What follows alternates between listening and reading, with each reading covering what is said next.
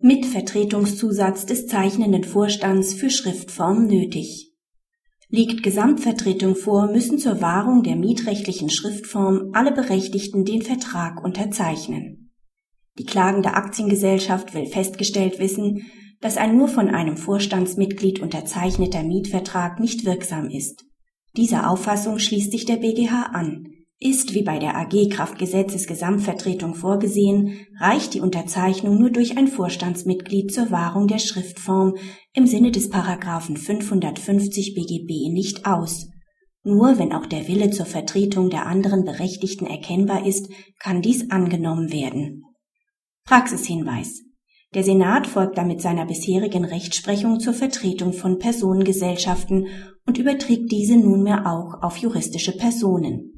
Denn zur Wahrung der Schriftform rechnet auch die Angabe der zur Vertretung berufenen Personen. Ob ein einzelnes Organmitglied diese auch vertreten durfte, ist hingegen eine Frage der Wirksamkeit des Mietvertrags selbst